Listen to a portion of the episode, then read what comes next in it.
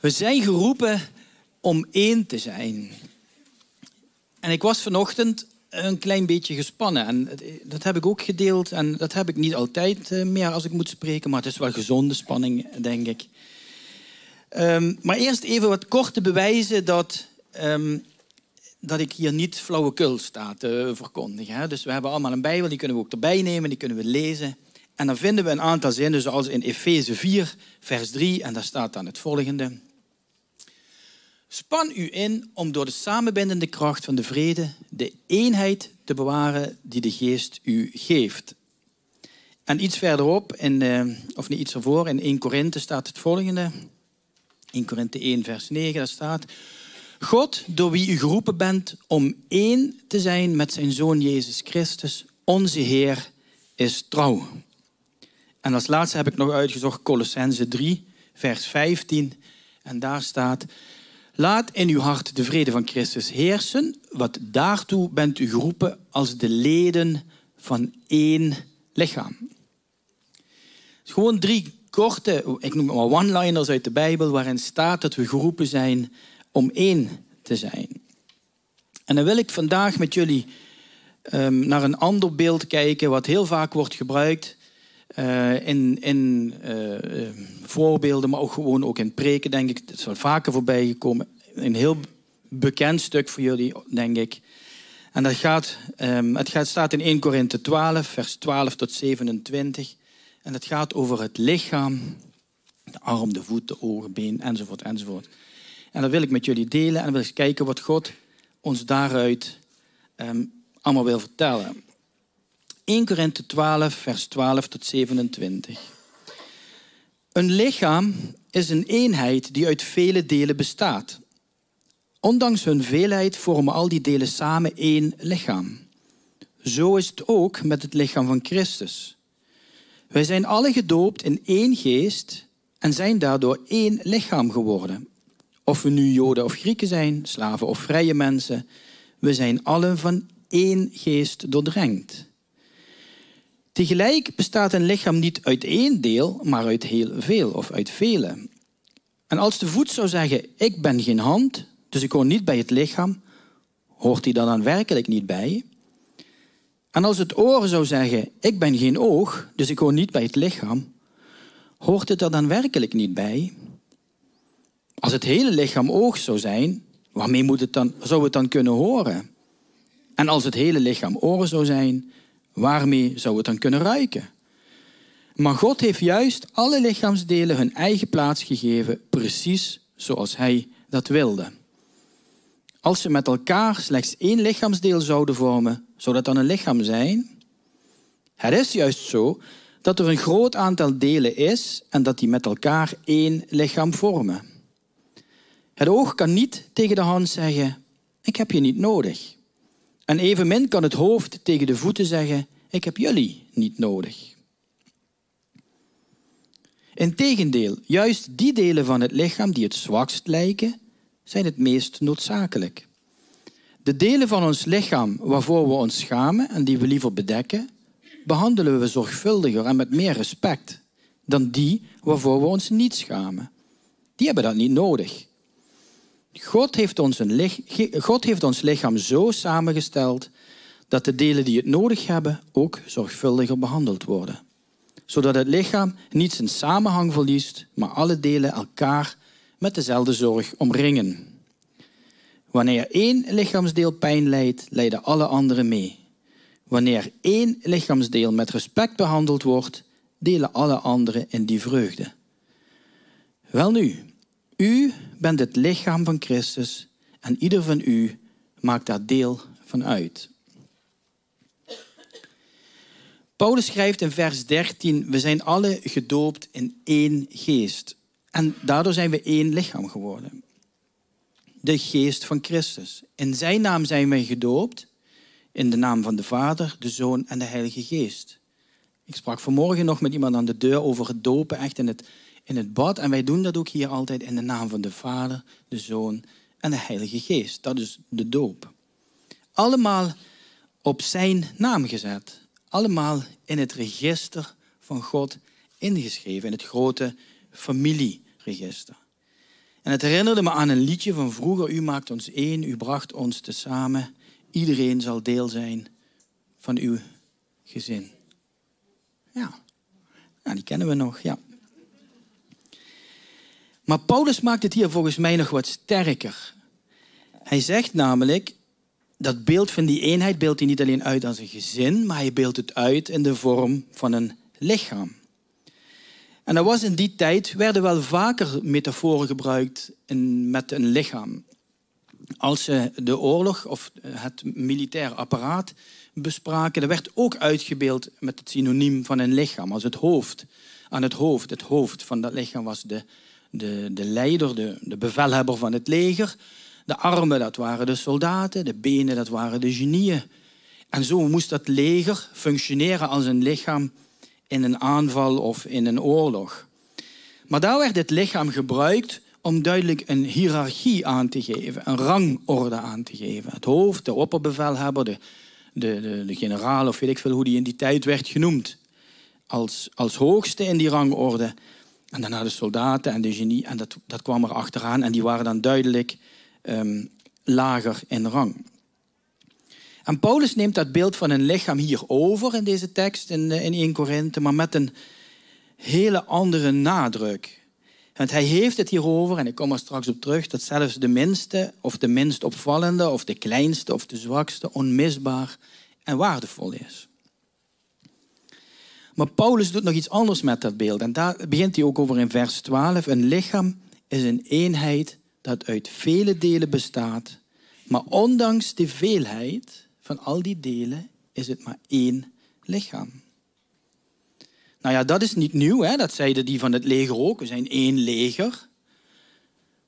Maar wat nieuw is, hier achteraan zou je verwachten dat je zou schrijven, zo ook de gemeente, maar dat doet hij niet. Paulus schrijft, zo is het ook met het lichaam van Christus. Vele delen die één vormen. En er is een diepe eenheid tussen de gemeente en het Christus. De gemeente is niet Christus. Dat kan niet. Christus is Heer. En dat zal ook altijd zo blijven. Christus is ook het hoofd van de gemeente. Dat wordt ook zo uitgelegd. Maar het hoofd en het lichaam is hier niet los te zien van elkaar. Het hoofd kan niet zonder het lichaam en het lichaam kan niet zonder het hoofd. Dus Christus wil niet zonder zijn gemeente. En als het goed is, willen wij als gemeente ook niet zonder Christus. En in vers 22 besluit Paulus dan ook dit tekstgedeelte met: U bent het lichaam van Christus. En hij zegt hier niet: Wees als het lichaam van Christus. Of zorg ervoor dat je zo bent als het lichaam van Christus. Maar Paulus schrijft hier: U bent het lichaam van Christus. Dus er wordt geen vergelijking gemaakt tussen de gemeente en het lichaam. Nee, de gemeente is het lichaam van Christus. En ik denk dat het heel, elk woord in de Bijbel is, met, is heel bewust neergeschreven. En toen ik hierover nadacht, dacht ik, maar wat bedoelt Paulus er nou mee? Dat je, ik kan toch niet het lichaam van Christus zijn? Wij als gemeente zijn het lichaam van Christus. En toen Jezus op aarde was, had hij, had hij gewoon zijn eigen lichaam. Hij had een hoofd, ehm, hij, hij had dus een mond om mee te praten, hij had oren om mee te luisteren, hij had een benen om ergens naartoe te gaan, armen om handen om op te leggen en te zegenen. Dat was Jezus compleet in het lichaam met een hart dat lief had op dat moment. Dat was toen. En nu staat er dat wij zijn lichaam zijn op dit moment. En mij lijkt dat we daarmee als gemeente dus de taak hebben te vervullen die Jezus op, toen hij zelf op aarde was had. Vandaag de dag heeft hij ook een lichaam om zijn taak te vervullen. Alleen dat lichaam bestaat uit heel veel delen en die delen dat zijn wij. Dus wij zijn er als eenheid, met voeten, met oren, met een hart, met alles wat erbij hoort, gedoopt door de geest, één. En volgens mij wil hij, Jezus, door ons lichaam in deze tijd blijven doen wat hij zelf deed in de tijd dat hij hier op aarde was. Hij wil zijn handen tonen. Dat kunnen wij voor hem doen. Hij wil zijn hart laten zien. Dat doen wij in zijn naam. Hij wil zijn stem laten horen. Zijn hart bekendmaken. Hij wil wonderen doen. En dat doet hij door zijn lichaam. De gemeente, wij. En eigenlijk is het best wel heftig, vind ik, als ik daarover nadenk. Want het betekent dat ik dat, ik kan het niet alleen doen. We doen dat als gemeente. En zoals jullie best weten, er is altijd wel eens iemand in de gemeente waar je even niet mee door een deur kan. Of die eens een keer iets heel lelijks tegen jou heeft gezegd. Of waar je gewoon misschien nog wel nooit mee gesproken hebt. Of ehm, ja, waar het gewoon niet zo mee klikt. Maar het vervelende is dat God ons hier de opdracht geeft en duidelijk uitlegt, maar wij zijn één lichaam en we zijn allemaal, daar kom ik dadelijk nog op, even belangrijk. En ik moest denken aan een puzzel. Heb je wel eens een puzzel? Wij doen dat rond kerstvagen en bij paas als we een dagje vrij hebben. Dan pakken we zo'n puzzel van 1500 of 2000 stukjes. Hè, en dan gaan we dan uh, zitten. En dat is echt verslavend puzzelen. Het kan echt verslavend zijn. Maar je zal op het einde maar erachter komen dat er een stukje mist. Ja, volgens mij herkennen jullie dat. Hè? En dan kijk je naar die puzzel en denk je, ja, prachtig. En daar zie ik het, het hout van de tafel er doorheen. Hè? En dan is die puzzel, die is niet af. En die is dus niet zo mooi als dat die was geweest als die compleet was geweest. En zo kijkt God ook naar ons als gemeente. En zo heeft hij ons ook bedoeld. En daarom heeft hij ons hier samengebracht. Ik geloof dat oprecht. En dat betekent dus dat elk stukje wat hier zit van die puzzel, dat we dat nodig hebben. Anders zat het hier niet, anders was het hier niet. En als we dus een stukje zouden uitsluiten of vergeten of niet gebruiken, is de puzzel niet compleet. En kijken we dus naar een niet compleet geheel. Alleen samen vormen wij die prachtige puzzel. En ik denk dat dat net is wat we in deze tijd zo hard nodig hebben. Dat we niet meer kijken van ben je een randstukje, heb je, een, heb je vier knopjes, heb je vier ingangetjes, heb je een hartje ergens in een hoekje. Hè? En zo puzzel je. Hè? Welke kleur ben je? Waar pas je precies bij? Maar dat we kijken naar het geheel. Want we leven in een tijd van enorme polarisatie. En, en, maar, en maar naar elkaar wijzen van waar we verschillen van elkaar. En waar we het niet eens zijn. En waar we, ja, ja, waar we gewoon niet door één deur kunnen. We hadden het er vanochtend ook nog over. is verschrikkelijk. Maar ik denk dat de gemeente juist een plek zou moeten zijn waar we, hoe verschillend we ook zijn, elkaar zoeken, elkaar vinden in Hem. Niet in jij bent die en jij bent die. Nee, jij bent ook een onderdeel van die puzzel. En jij bent ook een lid van deze gemeente. En jij bent dus daarmee ook onderdeel van het lichaam. En of je nu links of rechts georiënteerd bent, uh, hoog opgeleid of net praktisch ingesteld, jong of oud, dik of dun. En of je nou homo of hetero bent, als je in deze gemeente zit, ben je een onderdeel van het lichaam. En dat is best, dat is best indrukwekkend. En dat is best bijzonder. Maar zonder alle puzzelstukjes hebben wij die puzzel niet compleet. En ik hoop en ik bid dat iedereen dat ook merkt die hier voor het eerst binnenkomt. En we hebben vandaag, heb ik aan de deur gestaan, dus ik heb gemerkt dat we gasten hebben die hier voor de eerste keer zijn. Dat deze mensen merken dat ze onderdeel zijn hier gelijk van het lichaam van Jezus. Of ze hier nu voor de eerste keer zijn of niet. En eenheid is niet uniformiteit, alsof we allemaal hetzelfde moeten zijn. Ja, dat zou wat zijn. Als jullie allemaal op mij leken, nou, dat was, was best saai, denk ik. En Charlotte wist niet meer wie ze kiezen moest. Hè? Maar, maar eenheid betekent dus niet uniformiteit. Nee, we moeten net verschillend zijn. Anders kunnen we niet die puzzel leggen samen. Als we allemaal een randstukje zijn, gaan we nooit de binnenkant in, in uh, leggen van die puzzel. En als we allemaal binnenkant zijn, krijgen we nooit een mooi randje eromheen. Eenheid blijkt, denk ik ook, net door verscheidenheid. En daarom is dat beeld van het lichaam ook zo sterk. Een lichaam is gewoon heel verschillend. Er zijn hele stukken van het lichaam die je nooit kan zien zelfs. Maar die wel heel essentieel zijn. Allemaal zijn we nodig met alle gaven die we hebben ontvangen. Met de persoon die we zijn zoals God gemaakt heeft en zoals God ons bedoeld heeft. En dat heb ik ook al vaker gezegd. Twijfel nooit aan jezelf of het wel goed genoeg is. Want God, als God jou heeft gemaakt, dan is het goed genoeg.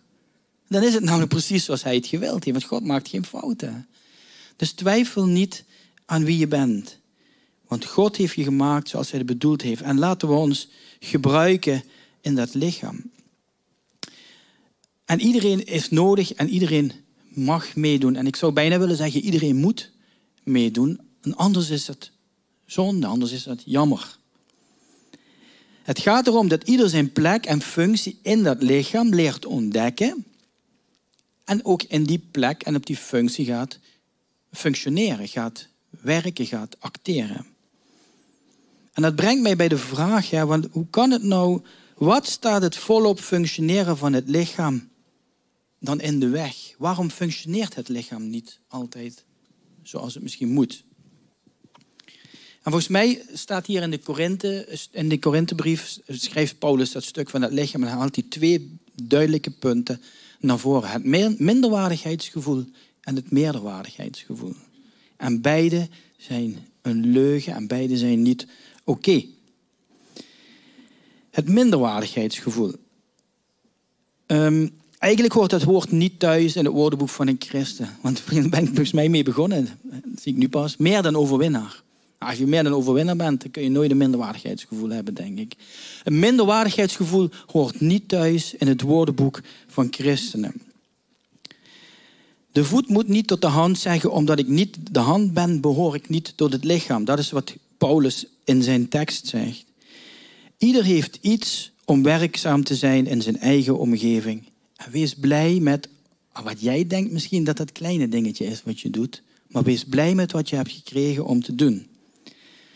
Eén persoon staat misschien voor een hele klas met leerlingen en doet zo 20, 25 jongeren onderwijzen. Een ander is misschien president van Nederland en moet 17 miljoen mensen de weg wijzen. Ik weet het niet. Eén iemand zorgt misschien alleen thuis voor zijn gezin of voor zijn kind. Een ander die zorgt misschien alleen voor zichzelf, omdat hij helemaal alleen is. De een verplaatst zich heel makkelijk voor God om en, iets voor medemensen te doen. En de ander moet dat misschien vanuit een rolstoel doen. Maar dat maakt niet uit. En het maakt je niet minder. De een heeft de gave van het woord, de ander heeft de gave van het luisteren. Weet je hoe belangrijk het is om te luisteren? Soms veel belangrijker dan alleen maar praten, praten, praten. We zijn allemaal heel verschillend qua intellect, karakter, bouw, uiterlijk. Maar alsjeblieft, het is niet dat je minder of slechter bent. En ik las het verhaal hierover van juffrouw Pink in mijn voorbereiding. En ik wil het toch, ik lees het gewoon voor, een heel kort verhaaltje. Juffrouw Pink loopt al maanden met haar hoofd naar beneden. En toen Arie Arm ernaar vroeg, was haar antwoord... Meneer Oog heeft gezegd dat ik nergens voor deug.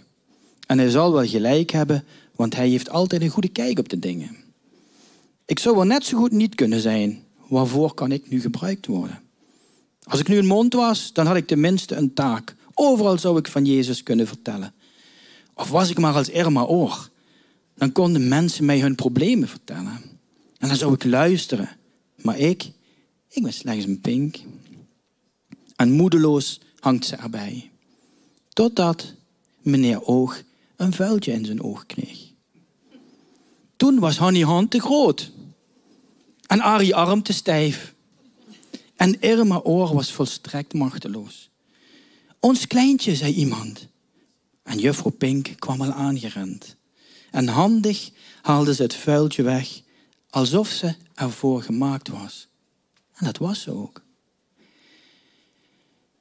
Ik wil met dit ik vond het een schattig verhaal, ik wil met dit verhaal alleen maar illustreren dat minderwaardigheidsgevoel niet thuis hoort in de kerk. Je bent altijd voor iets oké. Je bent altijd oké. Dus geen, geen minderwaardigheidsgevoelens meer. Maar het tweede punt in deze tekst gaat net over het tegenovergestelde, het meerderwaardigheidsgevoel.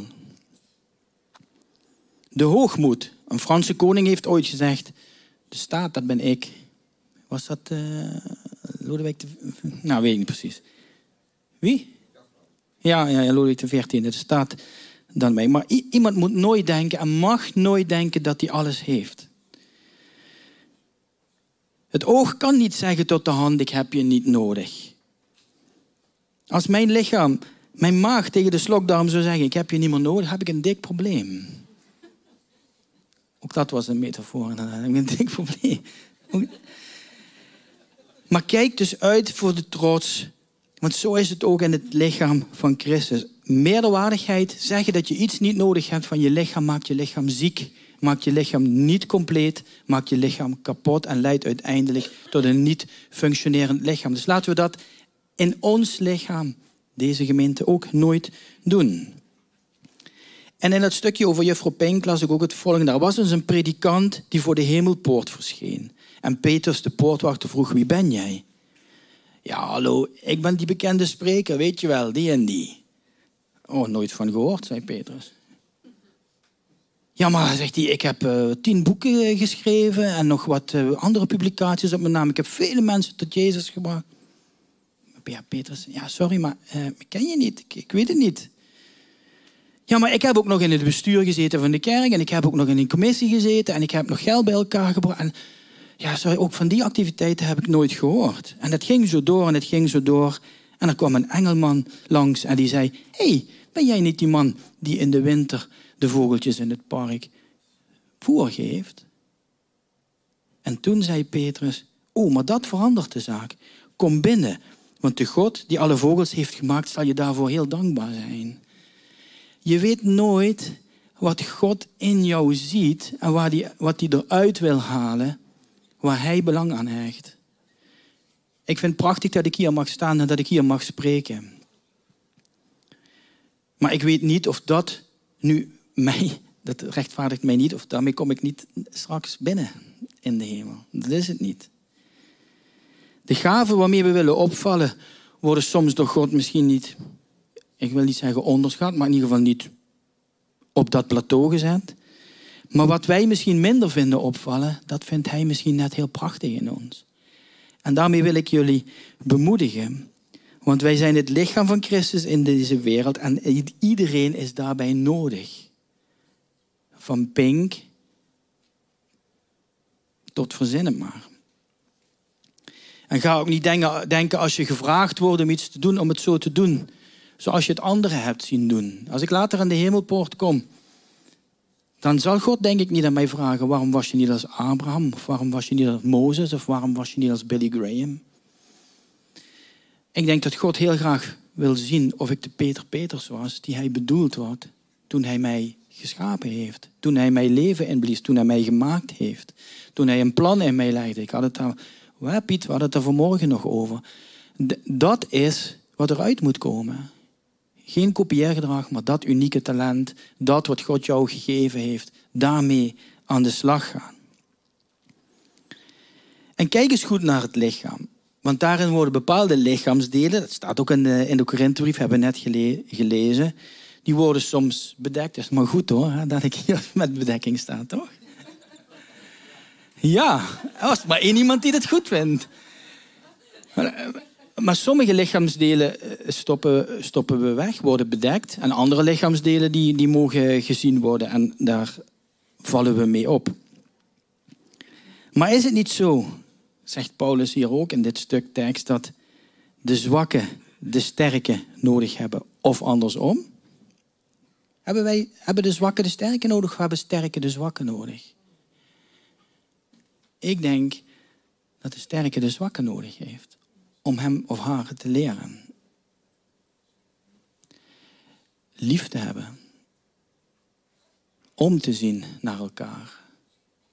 Iets voor een ander over te hebben. Kijk, een sterke die walst overal overheen en die maar die heeft de zwakke nodig om hierop gewezen te worden. En volgens mij is het dus daarom zo dat onze tere onderdelen beschermd worden door bijvoorbeeld je ribbenkast. Het hart, waar het misschien, ja, waar het om draait, kan nog leven zonder pink, maar kan niet leven zonder hart, hè, wordt beschermd door iets sterks. En zo moeten wij in de gemeente ook naar elkaar kijken, dat we onze zwakke whatever that may be, die ons iets leren en die onmisbaar zijn, dat we die beschermen. Laat niemand zich minderwaardig voelen. Je kunt zomaar nodig zijn. En laat ook niemand op een ander neerkijken, want je kunt die ander zomaar nodig hebben. En Paulus noemt dat in vers 22, ik zei het net, de delen van het lichaam die het zwakst lijken, die zijn het meest noodzakelijk. En zwak is hier niet een kwalificatie, maar een klassificatie. Dus het zegt niets over rangorde, sterk en zwak, maar over hoe we het moeten indelen. Ik zal nooit vergeten hoe ik in de verschillende connectgroepen en thuisgroepen heb geleerd van mensen die je in de gemeente bijvoorbeeld de hele week of op zondag niet hoorden of die niet aan het woord kwamen. Maar dan zat je in een connectgroep bij elkaar. En dan nam je de tijd ook, en het was ook een andere setting, om goed naar elkaar te luisteren. En er ging een wereld voor me open. En toen dacht ik, wauw, wat ben jij een krachtig persoon. En zo heb ik je misschien nog nooit gezien. En dan schaamde ik me ook. Maar dan dacht ik, wauw, hoe gaaf is dit. Dat wij samen dat lichaam zijn. Dat wij samen één lichaam zijn.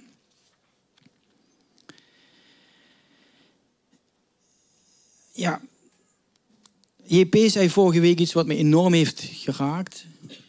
En wat me ook de hele, de hele week eigenlijk heeft bezig gehad. maar één zinnetje. Het preek was overigens helemaal goed, maar dat ene, ene zinnetje dat heeft me echt enorm geraakt. En het was, wij kunnen Gods liefde niet verdienen.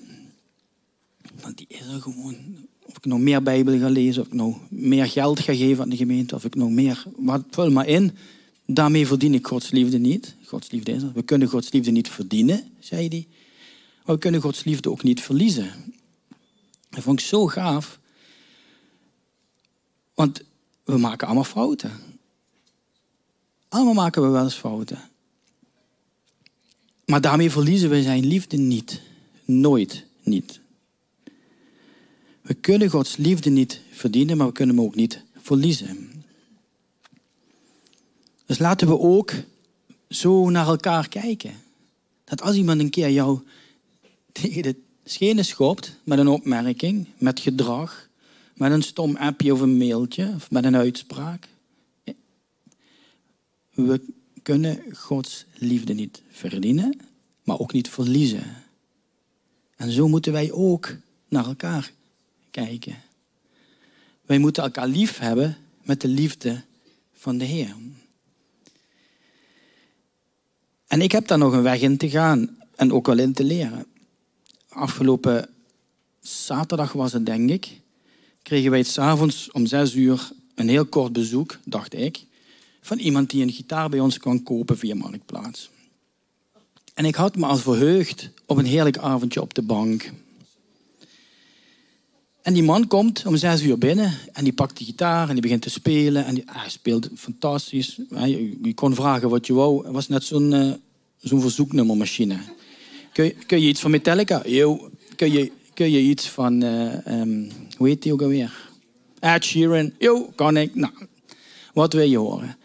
En het was gewoon heel leuk. En hij zat daar en zei, ik vind die gitaar mooi. Ik denk dat ik hem neem. Ach, zeg Charlotte, speel nog wat. En ik was in de keuken bezig met eten en het eh, was goed als klaar. En uh, hij speelde nog een liedje en het was helemaal gezegd. En Charlotte zegt... En ik leer daar zoveel van, van mijn vrouw. En Charlotte zegt, wil je soms blijven eten? En die jongen die, die keek. Maar binnen een tel zei hij... Dat is mij eigenlijk nog nooit zo op deze manier gevraagd. Ik blijf eten. En ik dacht, oh nee. Ja, was, Sorry, was mijn eerste gedachte. En we hadden de tafel gedekt. We hadden ook nog hertenbiefstuk. Trouwens. Ja, Rob. Maar die man, die man schoof aan tafel. En, uh, hij zei, en hij begon over zichzelf te vertellen. En ik dacht, nu terugkijkend, minderwaardigheidscomplex. Oh, mensen vragen mij dat normaal nooit. Ik heb een tattoo in mijn nek. Ik heb hier zo'n uh, zo'n gat in mijn oor. Mensen lopen eerder met een boogje om mij heen. Dus ik was eigenlijk wel heel bijzonder dat jullie dat vroegen. En ik zeg, ja, ik zeg, één ding voordat we gaan eten, wij bidden. Voor het eten. Oh ja, prima. Dus ik doe een kort gebed. Ik denk, denk hou het wat korter dan eh, normaal. En uh, we gaan eten, zegt hij. Wat heb ik eigenlijk nooit meegemaakt dat mensen bidden voor het eten. Zo is eigenlijk wel heel mooi, hè? Ik zeg, ja, dat is best mooi. Iets kunnen vertellen over, over God. Uiteindelijk hebben we nog Halligalli samen gespeeld. Eh, ja. En om half tien, Charlotte zegt kwart over negen, maar volgens mij was het half tien, ging deze man naar huis. En hij stond op en hij zei, en, en, en ik schaamde me eigenlijk dat ik gedacht had van, oh shit, ik had eigenlijk liever op de bank willen liggen met jou. Hij zei, jullie hebben mijn avond gemaakt. En, ja, en ik denk, dit is nou precies wat God wilde te doen. Zijn liefde laten zien. Eén zijn. Oh ja, heel goed, Minja. Eén zijn. En dan denken. Kijk, Charlotte, die denkt over zichzelf ook wel eens. Ja, ja, ja, ja. Doe jij maar. Uh, ik kom wel een beetje achter jou staan en zo. Maar in dit soort dingen denk ik, ik kan zoveel van jou leren. En dan zou je kunnen zeggen, dus het, de sterke heeft de zwakke nodig om te leren lief te hebben.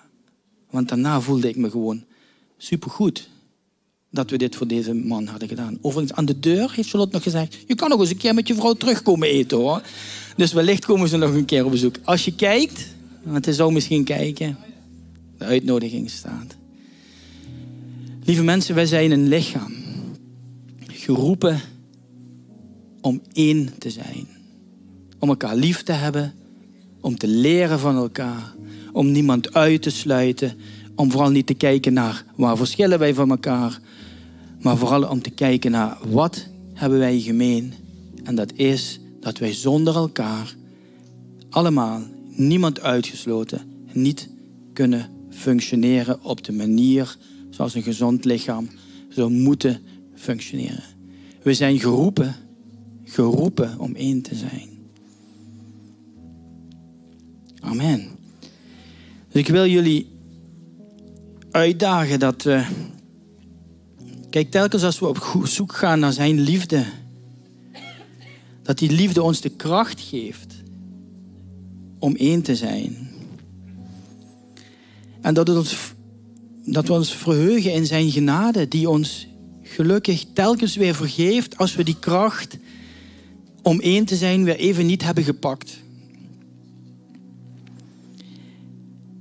En dat we dan een vader hebben die ons keer op keer vergeving schenkt. Hoe heerlijk is dat?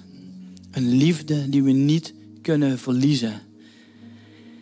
En laten we daarbij de kracht en de wijsheid en de troost en alle andere vormen waar de Heilige Geest je wil bijstaan, omarmen.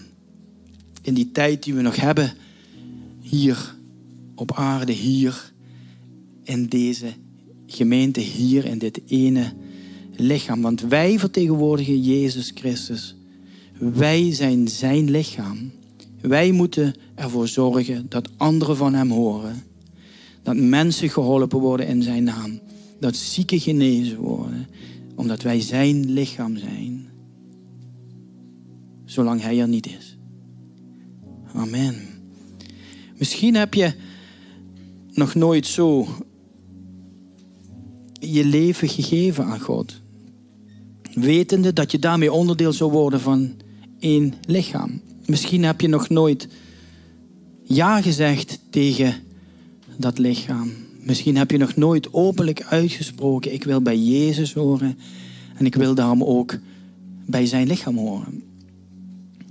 Ik wil onderdeel zijn, want ik ben een stukje van die puzzel en zonder mij is die puzzel niet compleet. Als je dat bent, dan is vandaag weer een kans, zoals elke dag opnieuw een kans is, om die beslissing te nemen. Een heel moedige beslissing, maar de beste beslissing die je ooit kunt nemen. Om ja te zeggen tegen Jezus. Om ja te zeggen tegen zijn gemeente. Om ja te zeggen tegen die eenheid. En als je dat bent en als je dat thuis bent, of je hier in de zaal zit, wil ik zo meteen een kort gebed voor je doen. En dan bid je dat met me mee. En dan weet ik, en dan, en dan weet ik zeker dat je vanaf nu gered bent en bij zijn lichaam hoort. Onderdeel bent van zijn lichaam. Misschien denk je wel klein, misschien heel groot, zonder minderwaardigheid, zonder meerderwaardigheid. Onderdeel van zijn lichaam. En als je misschien denkt, ja, en ik zit hier al een tijdje, of ik doe nog te weinig, of ik, en ik heb wel talenten. Eh, kom naar de dienst, naar ons toe, kom je melden. Iedereen heeft een taak in het lichaam. Want anders was je hier niet. Als je onmisbaar zou zijn, was je hier niet. Niemand is onmisbaar. Dus als je iets wil oppakken, als je iets wil gaan doen, kom straks naar ons toe en uh, we gaan kijken hoe we dat gaan vormgeven. En dus ik wil afsluiten met een gebed. Of eigenlijk met, ja, met een gebed. En daarna geef ik het terug aan de band. Lieve Vader in de hemel, dank u wel voor wie u bent. Dank u wel dat u de eeuwige ik ben bent. Dat u onveranderlijk bent. Dat u toen, nu in het heden en in de toekomst dezelfde bent. De liefdevolle vader die omziet naar zijn kinderen. Die zijn kinderen lief heeft en wiens liefde we niet kunnen verdienen, maar ook niet kunnen verliezen. En op dit moment erken ik u, Heer Jezus, als redder, als leidsman in mijn leven. Ik erken het offer wat u heeft gebracht. En ik besef dat u bent opgestaan om mij te redden, dat u de dood heeft overwonnen. Dat u aan het kruis was gegaan om mijn zonde te dragen. En dat ik daardoor vergeven ben. En ik keer me af van mijn oude leven en ik draai me om en ik kijk naar u. En ik zeg ja tegen u. Ik zeg ja tegen uw plan met mij. En ik zeg ja tegen uw gezin. In Jezus' naam. Amen.